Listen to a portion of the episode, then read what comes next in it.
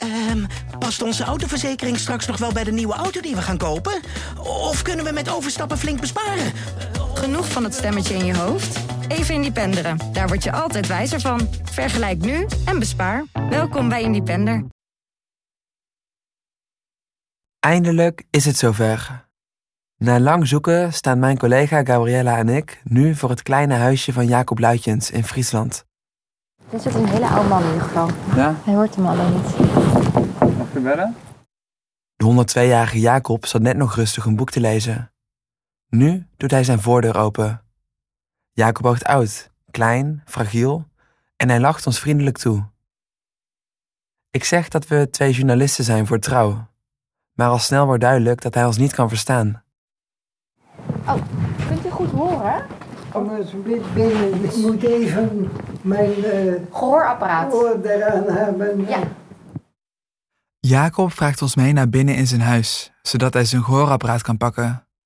Hij weet nog niet dat we journalisten zijn en dat voelt een beetje onwennig. Want de kans is groot dat hij helemaal niet met ons wil praten over zijn verleden. De oude kleine Jacob loopt langzaam achter zijn rollator door de gang zijn woonkamer binnen. Binnen is het opgeruimd en het ruikt er fris. In zijn woonkamer ligt een bijbel naast de bank. Op tafel ligt een boekje met opbeurende spreuken in het Duits. En op het kastje staat een foto van zijn vrouw, die er ook al heel oud uitziet en die hier binnen nergens te bekennen is. Jacob schuifelt met zijn rollator langzaam naar de bank.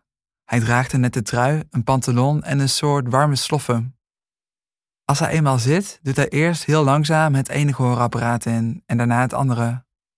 Zodra hij klaar is en ons vragend aankijkt, stellen we ons opnieuw voor als journalisten voor trouw. En vragen we hem hoe het met hem gaat. Tot mijn verbazing kijkt Jacob ons vriendelijk aan en begint hij gewoon te vertellen. Mensen vragen mij dan ook, hoe gaat het met je? In het plat Gronings is er een goede uitdrukking voor. Het kan minder. En ik zeg goed, dan lieg ik. Want ik zeg slecht, dan klaag ik. Ik wil niet liegen, ik wil niet klagen, want ik heb niks te klagen. Iemand vroeg mij ook, ik zal je eens in mijn dag beschrijven. Oh, zegt hij, je wordt verwend. Ja, ik word verwend. Iemand doet de boodschappen voor mij. Dat is een vrouw ook van vroeger vrienden van ons, van de Baptistenkerk hier. Dat is mijn mantelverzorger. En ik heb niks te klagen. Ik Ja. mag ook niet klagen. Ik wil ook niet. Eén ding is duidelijk. Jacob is mentaal nog hartstikke goed. En ook verder lijkt hij hier best een oké leven te hebben. Ik ken in ieder geval weinig mensen van 102 die nog zo zelfstandig alleen kunnen wonen. Maar ik ben hier met een doel. Namelijk om een gesprek met Jacob te voeren. Hij is waarschijnlijk de oudste nog levende oud-NSB'er van Nederland. En misschien wel de laatste die we nog echt kunnen spreken. Dit is een laatste kans om te ontdekken wat hem bewoog als jonge man in de jaren 40. We hebben inmiddels zoveel mensen over Jacob gesproken en in elk gesprek kwamen nieuwe vragen boven. Van oud-slachtoffer Jan, van journalist Sjoerd en natuurlijk van natiejager Jack, die mij met de hoofdvraag op pad stuurde. Namelijk of Jacob nu, 80 jaar na de oorlog, afstand neemt van het nazisme. En nu zitten we tegenover Jacob. Gaat hij onze vragen beantwoorden? Of slaat de sfeer zo dadelijk om, zodra we over de oorlog beginnen? Ik ben Maarten van Gestel, journalist voor Trouw. Je luistert naar de laatste aflevering van De Schrik van Rode. Het gesprek.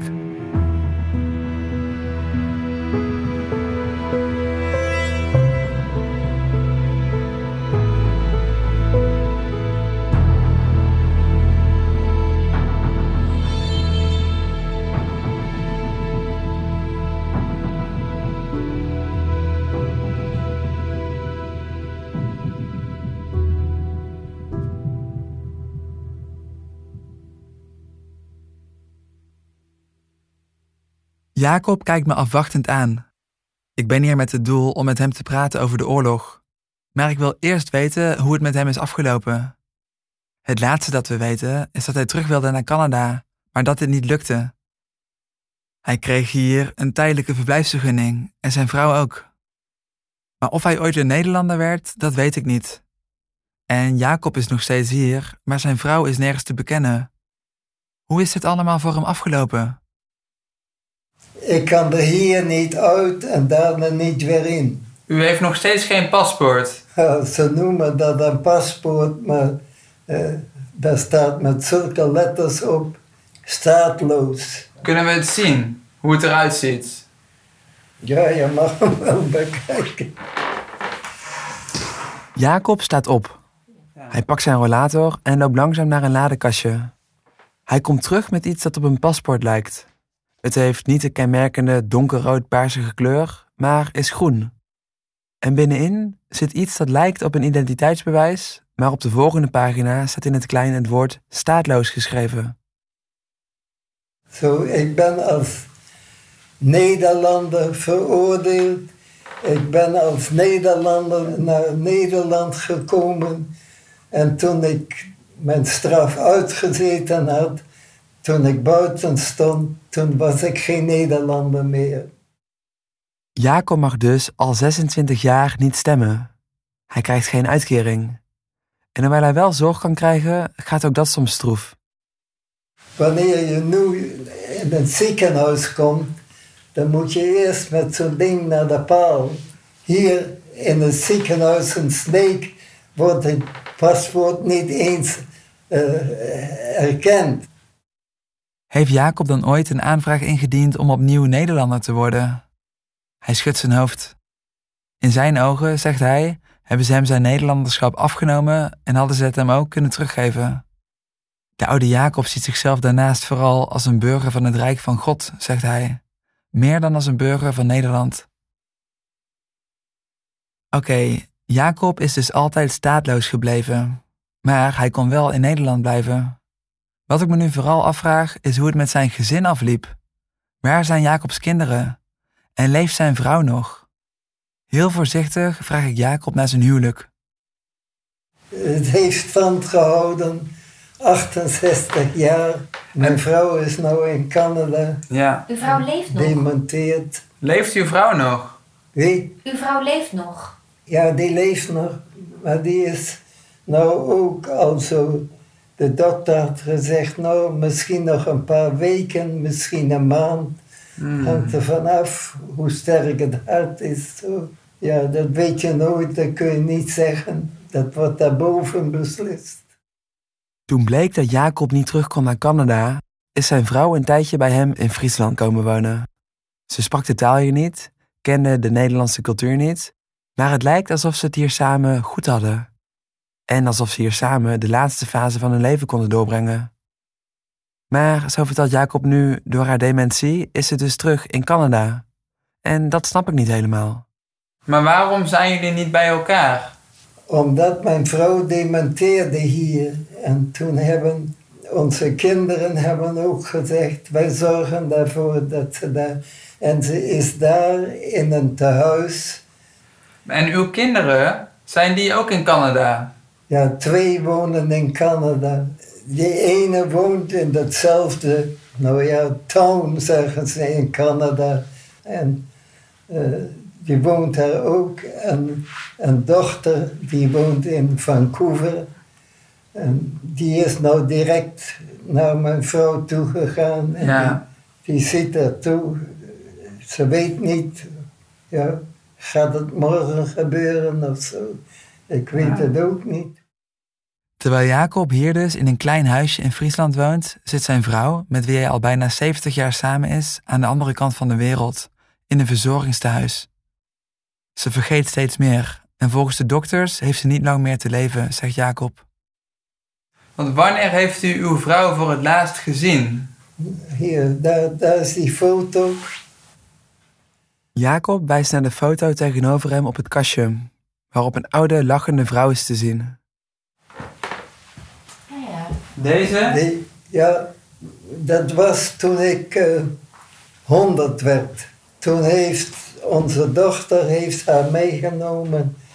En we hebben dat hier gevierd. Toen was ze al dement. Oh ja. Ja. En ik heb nou ook zo telefonisch een paar keer geprobeerd met haar. Maar ik denk, ze kent me niet meer. Hmm. En dat denkt onze dochter ook. Wat Dat is verdrietig. weg. Ja. Het is een vreselijke ziekte. Ja. Bent u verdrietig dat u nu niet bij uw vrouw en kinderen bent? Ja, ik kan er niet heen. Natuurlijk is dat moeilijk. Maar ja, ik weet dat het niet kan. En ik moet een streep zetten. Daar helpt niks daartoe. Jacob heeft zich erbij neergelegd. Hij heeft nooit kunnen terugkeren naar Vancouver en zal dat ook nooit kunnen. Zijn vrouw leeft nog, maar is eigenlijk al uit zijn leven verdwenen.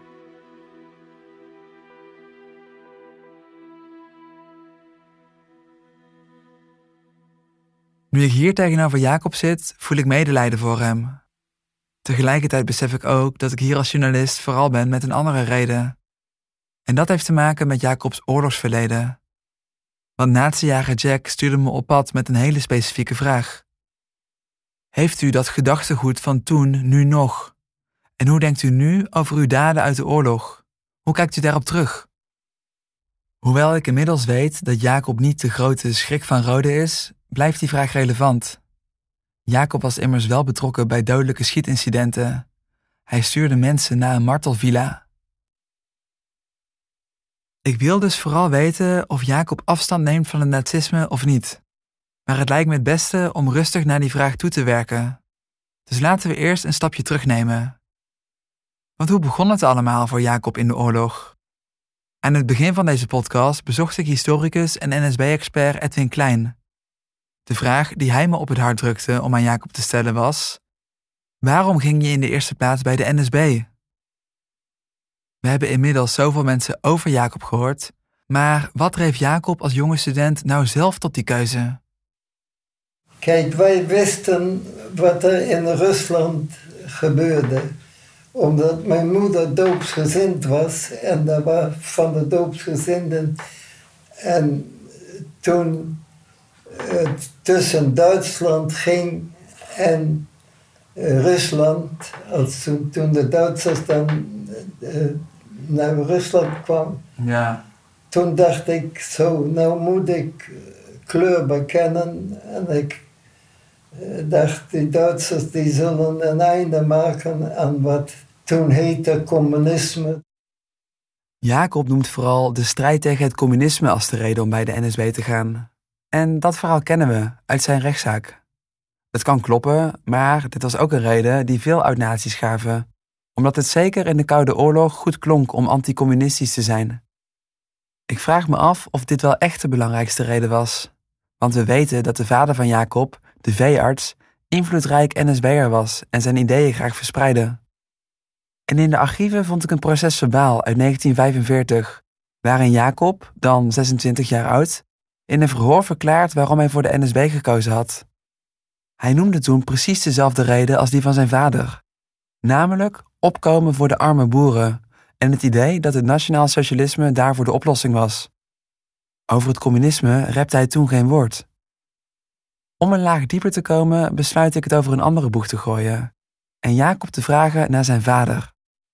Was uw vader ook al heel pro-Duits toen u nog een kind was? Nee, Wanneer is dat gekomen dan? dat is gekomen ook door eh, de NSB en veel eh, boeren en zo waar hij mee te doen had. Dat was niet zoals nu dat eh, een rekening gestuurd werd. Er was een rekening lopen Ja. één keer in het jaar. En die rekenden dan af met mijn ouders. Konden de rekening niet betalen. Is al een oude rekening van vorig jaar. Kunnen nog niet betalen. Zo deed mijn vader weg daarmee.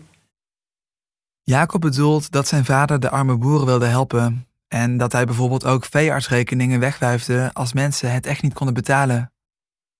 Dat was natuurlijk voor hem verlies. Niet alleen zijn arbeid, maar ook de medicijnen en alles wat er daarbij. Maar ja, hij zag dat in, want hij werkte tussen die mensen. Ik kan niet, also, ja. maar moet hem wel geholpen worden. Jacob praat vol lof over zijn vader. In die tijd was hij zelf een jaar of 18, 19. heeft hij veel invloed gehad op u? Ja, eh, altijd al eh, op school. Ik was liever boer geworden, maar hij, hij wist het beter. En, Praten jullie vaak over politiek samen? nou ja, natuurlijk wel eens. eh, Hij mocht geen lid van de NSB zijn, omdat hij ambtenaar was, ja, vleeskeuring. Maar toen, eh, na die tijd, is hij lid van de partij geworden. Ik niet. Ik heb lange tijd gewacht totdat het dan tussen Rusland en Hadden jullie een goede band, een goede relatie? Nou ja, zeker. We hadden. En, maar die heeft mij ook nooit eh, gedwongen of zo. Ik heb dat uit mezelf, heb ik dat toen beslist. Jacob verschilt zich niet achter de keuzes van zijn vader. Hij koos er zelf voor om bij de NSB te gaan. Tegelijkertijd had zijn vader wel veel invloed op hem. Ik blijf benieuwd naar hoe het is om op te groeien in zo'n huis. En wat dat betekent voor de vorming van een jongen van 19. Maar dan is toch wel uw vader en zijn keuze ook om tot de NSB te treden. Dat moet toch wel ook van invloed zijn geweest op uw eigen keuze als jongen van die leeftijd? Nou ja, wanneer mijn vader in het verzet geweest was, dan was ik er natuurlijk niet aangekomen. Dat was klaar. Zo. Maar ja, ik wist wel hoe hij dacht. En hij heeft geen invloed op mij eh, uitgeoefend. Het lijkt erop dat Jacob mijn vraag zwart-wit hoort. Heeft uw vader u gedwongen of niet? Ik probeer uit te leggen dat ik met invloed geen dwang bedoel en vooral benieuwd ben naar de vorming in zijn jeugd. Maar ik kom er niet zo heel veel verder mee. Nou ja, ja. Enfin, Hoe ziet u dat? zo was het nou. Ik krijg het gevoel dat Jacob niet veel verder wil uitweiden over zijn opgroeien in een NSB-gezin en de invloed die dat op zijn eigen NSB-verleden had. Of misschien is het aspect van tegen het communisme zijn voor Jacob gaandeweg wel zijn hele verhaal geworden. Zo vreemd zou dat niet zijn, aangezien dit verhaal ook dominant was in de kolonie waar Jacob na de oorlog woonde. Daar zaten veel doopsgezinden die waren gevlucht uit het communistische Rusland, waaronder zijn eigen vrouw. Jacob benadrukt dus dat hij zelf voor de NSB koos. Maar wat was het dan precies dat hem zo aantrok? Als ik die vraag stel, dan veert de oude Jacob plotseling op. Wat vond u wel goed aan de NSB en het nazisme in die oorlogstijd? Nou, wat er goed aan was, er waren drie dingen. Dat was Gods vertrouwen. En dat had ik toen niet veel, maar dat is bij mij gegroeid. Dan was er eerbied voor de arbeid. En ik heb ook veel moeten werken in mijn leven. En dat is gebleven. En de derde is liefde voor volk en vaderland. En dat is verdwenen. Ons werd toen gezegd, het Nederlandse volk, dat is een uitmuntend volk. En zo is ook niet waar. Is niet veel beter als andere volken.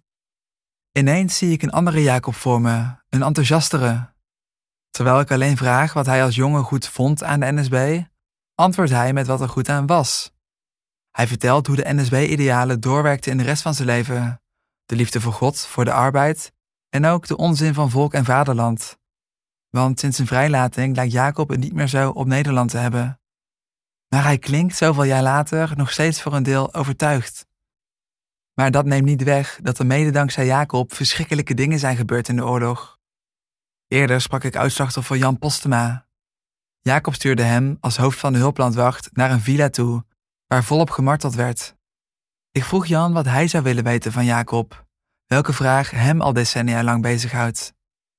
Jan vertelde me dat veel van de verschrikkingen uit de oorlog pas gaandeweg duidelijk werden. Hij snapt dat Jacob lid werd van de NSB met zijn achtergrond. Maar toen bleek wat Nazi-Duitsland allemaal van plan was, heeft Jacob zich toen nooit afgevraagd of hij wel aan de goede kant stond. Had Jacob een intern conflict? Twijfelde hij? En had u wel eens twijfels? Wie? Twijfelde u wel eens? Twijfel? Ja, in die tijd. Of het juist was of niet juist. Wat de Duitsers deden.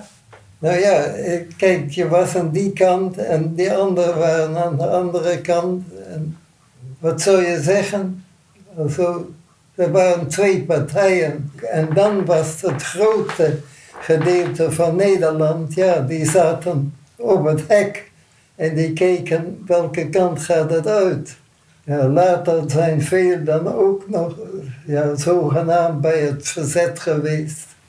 Die waren helemaal niet bij het verzet, maar... Jacob lijkt terug te kijken op de oorlog als een strijd tussen twee gelijkwaardige machten. Je had de revolutionaire naties en de NSB'ers aan de ene kant en het oude Nederland aan de andere kant. En Jacob lijkt ook nu niet meteen het gevoel te hebben dat een van die twee kanten fouter was dan de ander. Maar dat beantwoordt nog niet mijn vraag. Namelijk of Jacob als twintiger wel eens twijfelde of hij aan de goede kant stond. Maar u twijfelde niet of u aan de goede kant stond. U was overtuigd. Nou ja, je, je wist niet wat zou het doen. Also, wij zagen toen wel, mijn broer en ik, we waren in Utrecht student. En toen dan die, uh, also Frankrijk dan bezet was en zo, toen zei ik tegen mijn broer, weet je wat, we gaan naar huis. Dit. Also toen wist ik, dit is het eind. Het is moeilijk om Jacob precies te volgen. Ik vroeg of hij twijfelde of hij aan de goede kant stond. En hij antwoordt met het moment waarop hij inzag dat zijn kant de oorlog niet ging winnen. Maar het is opvallend dat wat wij allemaal zien als de bevrijding van Frankrijk in Jacobs woorden juist het begin van het einde was: een bezetting. Het klinkt niet alsof Jacob zich twijfels herinnert. Als twintiger was hij overtuigd NSB'er tot het bittere einde. Maar kijken naar wat er na de Tweede Wereldoorlog allemaal bekend is geworden, bijvoorbeeld over de Holocaust, heeft dat veranderd hoe Jacob nu terugkijkt. Toen ik journalist Sjoerd Bos sprak, die de zaak jarenlang volgde, vroeg hij zich vooral af of Jacob met de kennis van nu tot één keer is gekomen over zijn daden. Of hij na al die jaren heeft ingezien dat hij fout was. En het voelt alsof het tijd is om de vraag te stellen waar deze zoektocht mee begon. Neemt Jacob, 80 jaar na de Tweede Wereldoorlog, afstand van het nazisme? Er zijn dingen gebeurd die zijn niet in orde, vooral wanneer ik denk aan wat met de Joden gebeurt. Dat is, eh, is allemaal verschrikkelijk. Maar van achter kijk je in de klomp. Dan nou zie je, en jonge mensen nou ook, ja, die weten wat er gebeurd was. Maar wij wisten ook niet, ja, bij ons in het dorp er waren twee Jodenfamilies. En die zijn door de Nederlandse politie zijn die op transport gezet naar Westerbork. Niet door ons. Wij hadden geen. Ja, also, ja, wat gebeurt er met die mensen? Jacob distancieert zichzelf meteen van de Jodenvervolging. Maar hoe denkt hij nou terug op de nazistische ideologie? Nou ja, hoe ik nou terugdenk, ik zie in Rusland, dat was geen communisme meer. Dat was Stalinisme. In Duitsland, dat was ook geen eh, nationaal socialisme meer. Also die hadden wel veel gedaan. Uh, maar uh, tijdens de oorlog en zo, dat, en wat ze met de Joden gedaan heeft, dat, dat is, had met nationaal socialisme ook niks te doen. Dat is natuurlijk onzin. Ja. Dat, veel had anders gemoeten. Wat er in de oorlog gebeurde was niet pluis, zegt Jacob. Maar neemt hij er nu, op 102-jarige leeftijd, afstand van? Neemt u afstand van dat nazisme? Of is er nog steeds iets dat in de kern goed was volgens u? Nou ja, natuurlijk. De dingen die verkeerd waren, die wil je graag achter je laten. Dat is Het antwoord van Jacob voelt voor mij een beetje onbevredigend. Neemt Jacob nu afstand van het nazi-denken? Hij zegt geen ja. Maar hij wil de slechte dingen wel achter zich laten.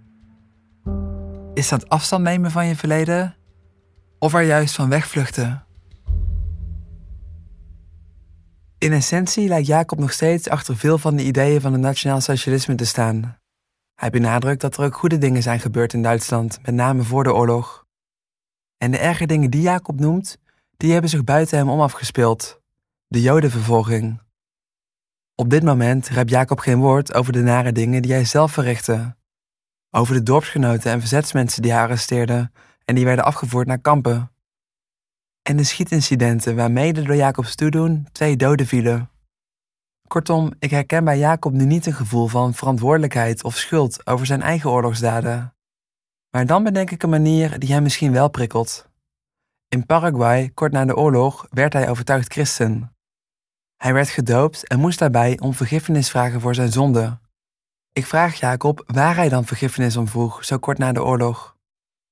En ik ben daar ook gedoopt in, in Paraguay. Ja, maar daarvoor moest u toch om vergiffenis vragen? Natuurlijk is het alles in de gemeente besproken en zo.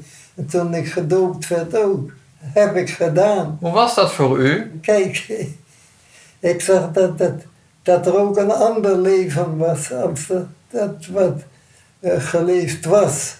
Uh, dat je een nieuw begin kon maken. Ja, dat heb ik daar gedaan. Natuurlijk, ik meen, je moet niet denken dat wanneer je één keer gedoopt bent en zo, dat je dan volmaakt bent. Je moet ja, steeds weer denken, oh, dit is niet goed. En dat is niet goed geweest. Ja. Ik moet om vergiffenis praten. Waar vroeg u precies vergiffenis voor? Nou, wat, wat je zo in je leven zo uh, doet, ik meen, uh, er zijn verschillende dingen dat je denkt, oh, hier ben ik uh, egoïst geweest en ja, dat is niet goed voor anderen geweest. Maar wat waren die dingen dan? Nou ja, ik, ik zeg zo voor de gewone dingen die je in je leven doet. Uh, ook bij de doop heb ik dat uh, toen uh, vermeld. Nou ja, toen werd ook gezegd, also, natuurlijk, je moet het in orde brengen ook met, maar wat kun je in orde brengen van Paraguay hier in Nederland? Ik heb het gevoel dat Jacob met de gewone dingen uit het leven die hij verkeerd heeft gedaan, doelt op zijn oorlogsdaden. Maar iets specifieks, zoals het medeplichtig zijn aan doden, dat noemt hij niet. Wat ik niet zo goed kan aanvoelen is of Jacob bewust vaag antwoordt, of dat hij het moeilijk vindt om hierover te praten. Of dat hij destijds in Paraguay zo'n nieuwe start heeft gemaakt, dat hij zijn verleden daar ook echt achter zich heeft gelaten. Dat het sindsdien voor hem echt vergeven en vergeten is. Toch wil ik één laatste poging doen om te ontdekken of Jacob ooit nog een confrontatie met zijn oorlogsverleden heeft gehad. Want ik bedenk me iets dat Jacob bij een hoorzitting zei, begin jaren 90. Namelijk dat slachtoffers hem konden komen opzoeken in het huis van bewaring, waar hij toen opgesloten zat, zodat hij ze daar om vergiffenis kon vragen. Is dat ooit gebeurd? Is hij daar met zijn verleden geconfronteerd? Heeft hij misschien alles toch nog goed kunnen maken? U zei in de rechtszaal dat u schuld wilde bekennen aan slachtoffers. Nou ja, Dat ze u mochten opzoeken in de gevangenis. Maar is dat gebeurd? er is no nooit wat gebeurd. Ik had gedacht dat ik met mensen kon praten en dan, ja, Ja. ook van mijn kant om vergeving te bidden, eh, te vragen. En zij van hun kant ook. Maar het, dat schijnt hier in Nederland niet te kunnen. En dat zal ook nooit kunnen. Hier wonen mensen in dezelfde straat. En dat zijn mensen die na de oorlog geboren eh, zijn. Maar die willen niet met mij praten. Mijn mantelverzorgster die heeft daar ook gevraagd. Ik zou eens graag met hen willen spreken. En ze we willen met die man helemaal niet spreken. Nou ja, ik kan ze niet dwingen. Jacob heeft niet met oud-slachtoffers of nabestaanden gesproken. In Jacobs beleving zit ook niemand op hem te wachten. Voor sommige van zijn buren is hij zelfs nu nog een paria, zegt hij, terwijl het 80 jaar na de oorlog is en zij die tijd niet eens hebben meegemaakt. In de ogen van Jacob is dit een wanhopige zaak. Maar in hoeverre heeft hij zelf een poging gedaan? Is Jacob bijvoorbeeld ooit teruggegaan naar Rode, naar de mensen daar, voor een poging tot verzoening? En de mensen in Rode en de nabestaanden daar, heeft u daar ooit om vergiffenis gevraagd? Nee, ik ben er ook nooit weer geweest. Ik wil er ook nooit weer heen. Maar heeft u het nooit willen goedmaken met de mensen daar? Nee, ik, ik merk dat uh, er is met de mensen niet te praten. Dat is het grote verschil met Noorwegen. Daar hebben ze een streep gezet, maar hier nooit. We hebben ook een zoon in Noorwegen. Hij heeft ook een Noordse vrouw. En die grootvader van eh, Inge, van Peters en vrouw, is in een Duits concentratiekamp omgekomen. Hmm. Die ouders die hebben een Noord-Amerikaanse reis gemaakt en hebben ons ook in Vancouver bezocht. En toen zei Inge, haar vader, wij hebben in Noorwegen ook tijdens de bezetting gehad. Daar zijn toen nadien ook mensen terechtgesteld. En toen hebben wij een streep gezet, zei hij tegen mij. En daarmee, het verleden is voorbij. We gaan nu in de toekomst. En schijnbaar kan dat in Nederland niet. Jacob is nooit teruggegaan naar Rode. En dat wil hij ook absoluut niet. De mensen, zo zegt hij, zouden hem toch niet willen vergeven. Zoals God dat wel heeft gedaan. Zelfs niet nu hij zijn straf heeft uitgezeten. Als het aan Jacob lag, had er al lang een punt achter de oorlog gestaan. En misschien is dat ook niet zo gek, kijken naar wat hij sinds zijn pensioen heeft meegemaakt. Jarenlang de pers aan de deur, de woede vanuit Nederland, het megaproces in Canada en zijn ultieme nederlaag, de uitzetting. Het was misschien zijn eigen schuld, toch moet het ook ontzettend zwaar zijn geweest. Maar Jacob houdt zich sterk als het gaat over de schade die zijn gezin opliep nadat hij als zestiger plotseling een zeer gehaat man werd. Ik herinner me dat mijn dochter zei dat het is goed dat het nou gebeurd is en niet toen wij nog op school waren. Dan waren ze natuurlijk van de school gepest.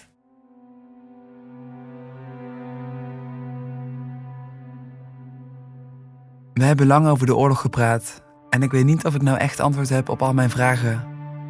Maar als het aan Jacob ligt, is het ook geen onderwerp meer. Dit maakt me benieuwd naar hoe Jacob zelf terugkijkt op zijn leven. En of er ook momenten zijn waar hij wel graag aan terugdenkt. Ik vraag Jacob naar het mooiste moment van zijn leven. En voor mijn ogen zie ik hem opleven. Het mooiste tijd, dat was toen we getrouwd waren en de kinderen klein waren.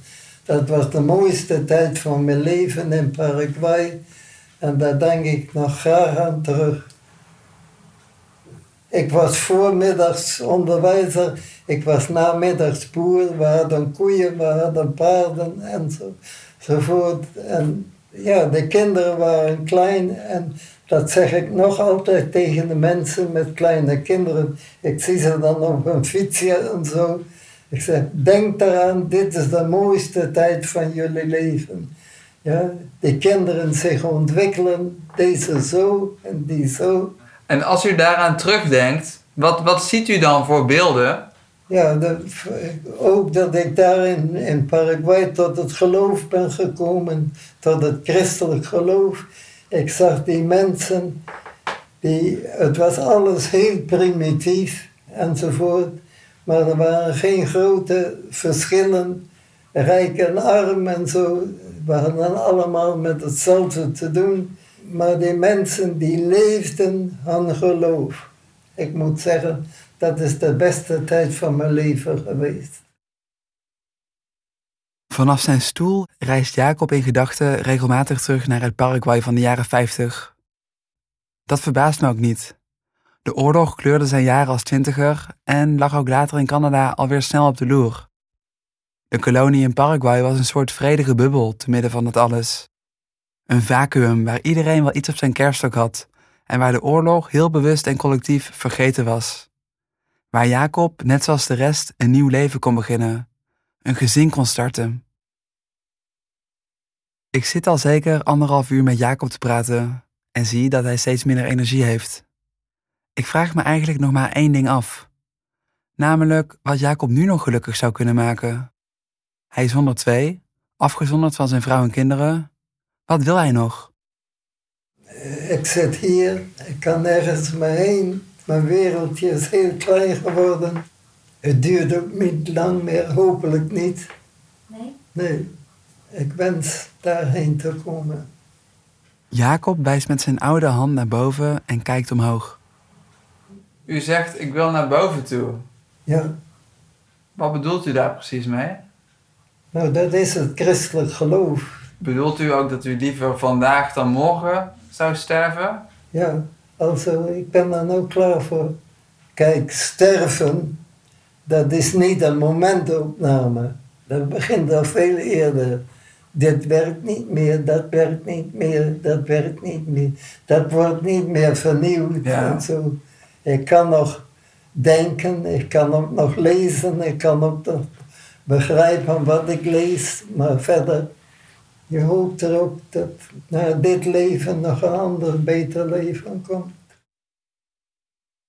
We kijken elkaar in stilte aan.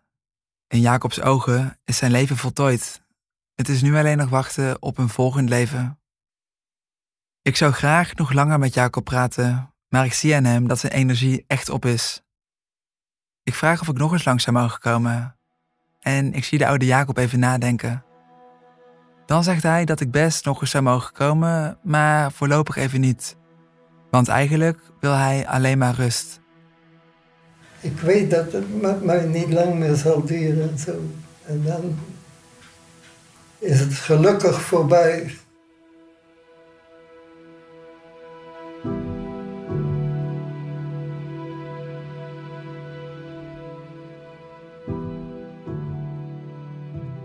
Mijn bezoek aan Jacob eindigt.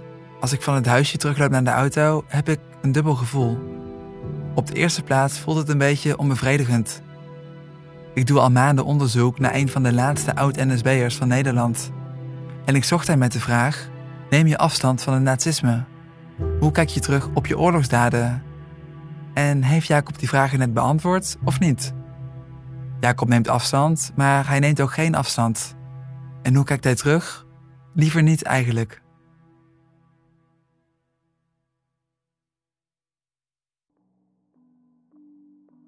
Maar vooral in de dagen na het gesprek bekruipt me ook een ander gevoel. Is het namelijk vreemd dat dit onderwerp voor Jacob een afgesloten hoofdstuk is? Jacob en zijn gezin worden al meer dan 30 jaar achtervolgd door journalisten. De enorme rechtszaak kwam overal in het nieuws en hij bleek de enige te zijn die Canada zo wist uit te zetten. Jacob is al sinds de oorlog op de vlucht voor zijn verleden. En zelfs nu, nu hij 102 is en in rust in Friesland probeert te wonen, blijft dat verleden hem achtervolgen. In de weken na het gesprek blijft dat gevoel aanhouden. En krijg ik ook vraagtekens bij mijn eigen rol hierin.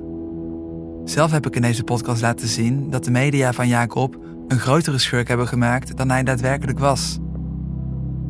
Als hij nooit was gevlucht, had hij hier een paar jaar straf gehad en was hij daarna misschien wel een gerespecteerd hoogleraar en dorpsgenoot geworden. Maar omdat hij een van de laatste oud-NSB'ers is, richt ik als jonge journalist mijn schijnwerpers opnieuw op hem. Is dat terecht? Om zo weer zijn verhaal uit te lichten, terwijl ik daar juist zelf kritisch op ben. Volgens mij is er maar één manier om mijn zoektocht af te sluiten. Ik moet terug naar Jack Koistra, de journalist, de natiejager, bij wie dit allemaal begon. Hoe plaatst hij de reactie van Jacob? Jack heeft zijn hele leven mensen met een verleden geconfronteerd en is daar altijd zeer trots op geweest. Heeft hij nooit twijfels gehad bij zijn eigen rol? Dag Jack. Hoe gaat Mooi het? op tijd, hè? Ja, dat Ja. is even geleden. Ja, ik ben op het fietsje, joh. Ja. En, eh, ik, Ik tref de 91-jarige Jack in het Oranje Hotel in Leeuwarden. Het is een zonnige zondagochtend en ondanks zijn leeftijd is Jack met de fiets gekomen. Hij is benieuwd. Heb ik Jacob Luitjes kunnen spreken? En ik vertel hem alles. nou, dat is een godsgeschenk.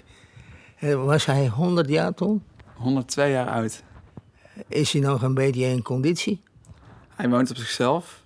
En hij, hij doet alles zelf volgens mij. Of in ieder geval de, de boodschappen worden gedaan. Maar hij zit daar nog gewoon zelf in zijn, eh, in zijn huis. Niet te geloven. Was hij een beetje toegankelijk? Ja, schitterend. Jack straalt. Maar hij wil vooral één ding weten. Neemt Jacob nou wel of niet afstand van het nazi-gedachtegoed zoveel jaar later? En ik vertel hem eerlijk dat ik dat niet zo goed weet. Dat Jacob in ieder geval geen hele duidelijke stelling nam. Jack kijkt me weinig verbaasd aan. Dit zit er ingebakken. Deze mensen blijven gewoon geloven in hun ideologie. Ik denk dat hij in zijn hart nog altijd een NSB'er is. Omdat hij eh, van jongs af aan vergiftigd is door zijn ouders over het NSB-dom. Dat is het precies hetzelfde als jij gereformeerd wordt opgevoed of katholiek of buitenkerkelijk, dan houd je dat vast. Dat is vastgeplakt in je referentiekader en daar neem je niet onmiddellijk afstand van. In Jack's ogen is Jacob op een belangrijke leeftijd zo gevoed met de NSB-ideeën dat hij die nooit meer helemaal los heeft kunnen laten. En ook daarom zou afstand nemen misschien moeilijk zijn. Want hoe neem je volledig afstand van iets dat nog steeds een deel van je is? Hoe keken de NSB'ers die Jack sprak eigenlijk terug, vraag ik hem. Ik heb een aantal geïnterviewd, telefonisch. En één, die heb ik hier gehad. Dat was Hendrik Melker. En die zat bij mij te snikken. En deze man was niet gelovig. En die zei, ik geloof nu dat het toch een opperwezen is. Ik zei, waarom? Nou, zei hij, mijn vrouw is aan kanker overleden. En mijn zoon Henk en zijn vriend, die zijn na afloop van een wedstrijd Ajax-Real Madrid ergens in Noord-Holland om het leven gekomen. Ik denk dat het opperwezen mij heeft gestraft voor hetgeen ik fout heb gedaan. Deze Hendrik Melker, ook een landwachter, zat jaren geleden dus snikkend in dit hotelrestaurant. Hij had het gevoel dat hij gestraft was door God. Jacob gelooft juist dat God hem vergeven heeft. Maar toch heeft ook hij zijn prijs betaald. Jacob zit nu stokoud en alleen in een huisje, afgesloten van zijn familie, te wachten op een dood die maar niet komen wil. Mogelijk dat dat ook een straf is. Misschien, suggereert Jack, is dit wel de last die Jacob moet dragen. Dat hij maar door en door blijft leven, terwijl iedereen om hem heen stuk voor stuk wegvalt. Jacob wil nu vooral rust, zegt hij. Ik deel mijn twijfels met Jack over de vraag of het juist is om de 102-jarige Jacob nu opnieuw in de schijnwerpers te zetten. Heeft Jack die twijfels nooit gehad? Nooit. Ik heb nooit die twijfel gehad. Ik heb het rücksichtsloos allemaal gepubliceerd. Jack heeft zelf nooit getwijfeld.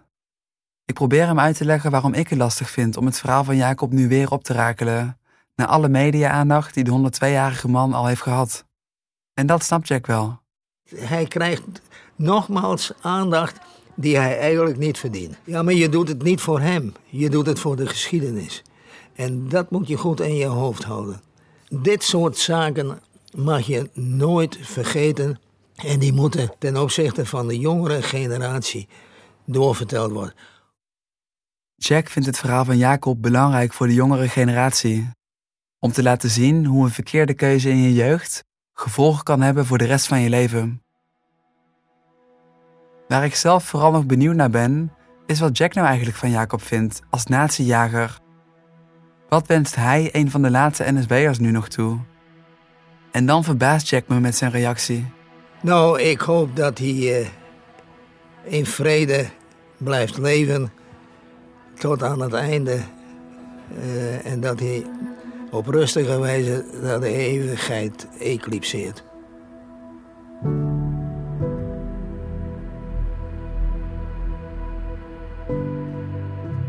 Je zou kunnen verwachten dat de 91-jarige Jack, die de oorlog heeft meegemaakt en bekend staat als natiejager, meedogenloos zou zijn over het lot van Jacob. Maar Jack wenst hem juist een reis naar de hemel toe, van harte. Dat vind ik een opvallende toewensing van een natiejager voor een oud NSB'er. Ja, ja, maar kijk, ik ben niet haatdragend meer. Voorheen dacht ik alleen zwart-wit. Maar er zitten nu nuances in. Niets is zwart-wit, drukt Jack me op het hart. En hoewel we bij de NSB nu denken aan dictatuur, racisme en de holocaust, begrijpt Jack ergens wel waarom Jacobs ogen nog steeds glinsteren als hij terugdenkt aan de mooie NSB-beloftes van vroeger. Kijk, eh, ik heb tijdens een toespraak, niet zo lang geleden, ook gezegd dat ik bepaalde uh, elementen van de NSB-leer ondersteun. Reinheid, kuisheid, uh, beleefdheid. Iets doen voor de andere mens. Ik zie nog dat uh, NSB'ers aan arme mensen voedsel gaven, dekens gaven. Jack zet me aan het denken. In mijn gesprek met Jacob doelde ik steeds op de nare dingen die hij bij de NSB heeft gedaan. En ik bleef mij vragen of hij daar spijt van had, geen schuld voor voelde, of hij afstand nam. Ik heb Jacob niet gevraagd naar wat hij in Canada voor zijn studenten betekende, of voor zijn gezin. Wat zegt het over ons als mensen dat we zo graag willen dat iemand 80 jaar na de oorlog sorry zegt? Nu praat zelfs Jack, iemand die zichzelf de duivel van Leeuwarden noemt, ineens met mildheid over Jacob. Ik ben niet meer de man die met priemende vingers. Uh, nogmaals, ik vergeet het niet. Maar wat voor zin heeft het om altijd haatdragend door het leven te gaan? Je moet als iemand eh, je tegemoet gekomen is, ook ontvankelijk zijn. Dus u zegt, kijk naar het verhaal van Jacob Luijens met compassie. Precies, ja, dat is duidelijk. Jack's woorden inspireren me. Zijn eerste opdracht was: vind Jacob Luitjens en kijk of hij afstand neemt van het nazisme. Jack's opdracht nu lijkt te zijn: kijk met compassie naar het verhaal van Jacob. Los van hoe Jacob zelf terugkijkt op de oorlog en hoe we zouden willen dat hij terugkijkt. Oordeel niet te snel, denk ik er zelf achteraan. Want wat had ik in zijn schoenen gedaan? Of jij? Misschien is dit wel allemaal Jacobs eigen schuld. Maar ik leef na mijn bezoek wel met hem mee. Want hoeveel mensen hebben in hun leven zoveel te verduren gehad als hij? Ik beeld me Jacob weer in, alleen op de stoel in zijn huisje in Friesland. Hoe de 102-jarige man rustig een boek leest. Hoe hij met zijn kinderen en kleinkinderen belt. Hoe hij bidt tot God. En Jack's wens voor Jacob, die deel ik eigenlijk wel. Ik hoop ook dat Jacob nog even in vrede blijft leven. Niet te lang meer, hoop ik voor hem. En dat hij dan op een nacht in zijn slaap op rustige wijze naar de eeuwigheid eclipseert.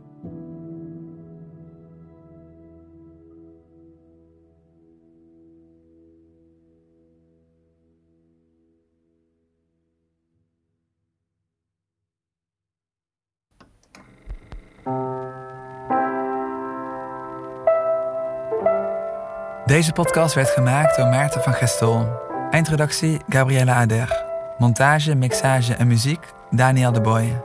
Aanvullende productie door Bastiaan van Orde, Joris Belgers en Kevin Goes. Coördinatie vanuit Trouw Martijn Roesing. Vormgeving Gemma Pauwels. De podcast werd mede mogelijk gemaakt door de Stichting ter Bevordering van de Christelijke Pers in Nederland en het Fonds Bijzondere Journalistieke Projecten. Met dank aan het Nationaal Archief, het Drentse Archief, het NIOT, het Fries Museum en het Nederlands Instituut voor Beeld en Geluid. En bijzonder veel dank aan alle mensen die de historische fragmenten een stem hebben gegeven.